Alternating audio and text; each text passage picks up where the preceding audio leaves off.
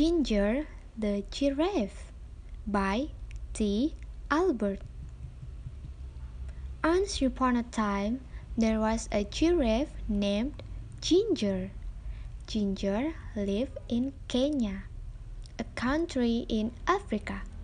Like all giraffes, Ginger had a long neck and long legs. Because she was so tall, she was able to eat food from the very tops of the trees in the savannah.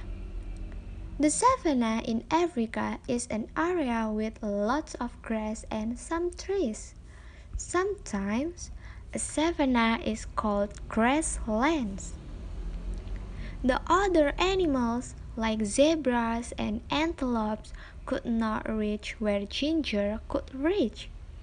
But Ginger always found food. She loved the leaves and the new buds of the trees.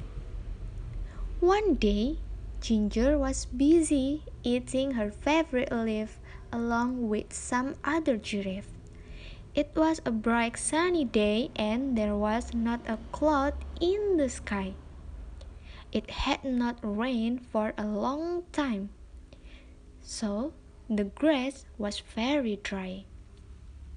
She heard a noise down at the bottom of her extra long legs. It was her friend, Mickey, the monkey. Mickey was trying to say something, but Ginger couldn't understand what he was saying. He looked very tired. What's wrong? asked Ginger. Ginger was a very kind giraffe and wanted to help everyone. Just then Mickey fell over. Ginger was also a smart giraffe. She knew what was wrong. Mickey couldn't find anything to eat and he was very hungry. Ginger nipped some fresh, tender leaf and buds from the top of the tree where she was eating.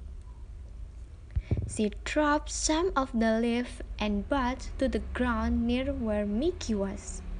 Then she nudged him a little with the hoof at the bottom of one of her very long legs. Wake up, Mickey, said Ginger. I found something for you to eat. Slowly, Mickey sat up and ate a little. After a while, when Mickey was feeling better, Ginger asked him, What happened, Mickey? Why are you so hungry? Why can't you find anything to eat? Mickey said, It hasn't rained for so long, and now there's no more food. That's not good, said Ginger. What's happening with the other animals? No one knows what to do, answered Mickey. All the zebras and the antelopes and the elephants are getting worried about the dry grass. Some of them are thinking about leaving the savannah and trying to reach the jungle. That's a long trip, said Ginger. Are you going to go with them? I don't know, answered Mickey. What do you think we should do? Ginger thought for a while and then suddenly she had a good idea. We should go talk to Leo, the lion. He is the smartest animal in the savannah. Mickey was too tired to walk, so Ginger invited him to ride on her back. Hold on tight to my neck, said Ginger. There's a lot to hold on to, joked Mickey. Ginger laughed. You're right. I've got the longest neck in Africa. So, they start their journey across to the other side of the savannah to look for Leo. Ginger and Mickey were in luck. Leo was sitting up on a rock and he was really easy to see as they walked through the grass. Hi, Leo! They both shouted. Leo had been napping and was a little grumpy when they woke him up. But he was polite and said, Hello, Ginger and Mickey. Why did you walk the whole way across the savannah? Just to wake me up? But he was joking. He had a smile on his face. Mickey says that there is no food left on the savannah because it's been so dry, said Ginger. Do you have any ideas? Leo thought for a while. He said, There's nothing we can do about the rain. It will come soon, but we can't be sure when it will arrive. When the rain comes, all the plants will grow again and there will be lots of food for everybody. He took a little longer. The only thing I can think of is for everyone to move closer to the forest, he continued. There will be more things to eat there, but I know it's a long trip and it will not be very easy. It might take days to get there. Ginger and Mickey looked at each other and then looked back at Leo. Thank you, Leo, said Ginger. It's probably best if they all try to get closer to the jungle. They said goodbye and then walked back across the savannah. Now they needed to gather all of the animals together to start the long journey. Ginger didn't need to go along because she had plenty of food in her high trees. But she was a good friend and wanted to help as much as she could. They walked towards her favorite trees and guessed what she and Mickey saw? All of the animals were already gathered there and waiting for Ginger and Mickey. Why are all you here? asked Ginger. Eddie the eagle told us that you're taking us to the edge of the jungle, said one of the zebras. How did he know? Asked Mickey.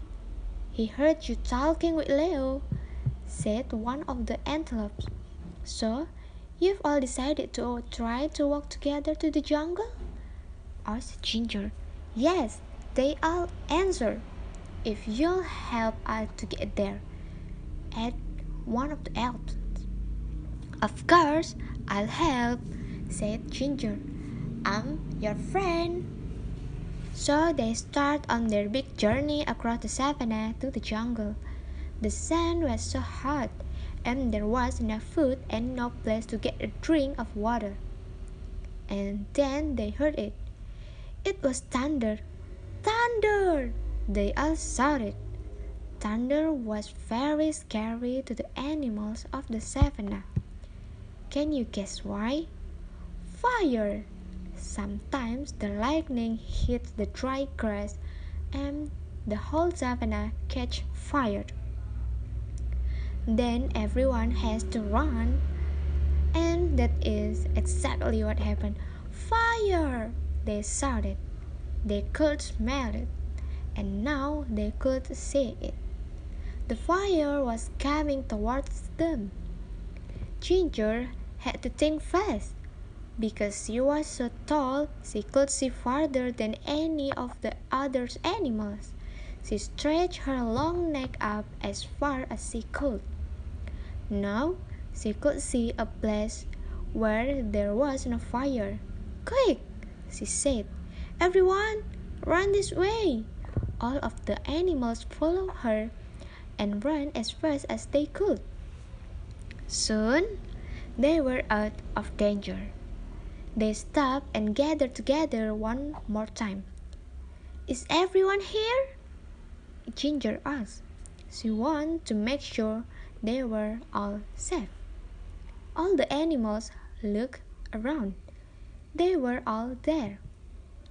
And then the most wonderful thing happened.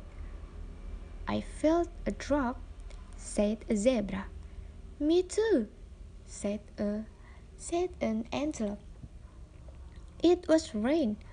Finally, everyone was happy. It started to rain a little more and then a little more. Then the rain put out the fire so they didn't have to run. And the rain filled the watering holes and made the plants grow again. So they didn't have to make that long trip to the edge of the jungle. Everyone would soon have enough food and water. So Ginger, the giraffe, went back to her favorite tree and continued to munch on the leaf and buds. Thank you.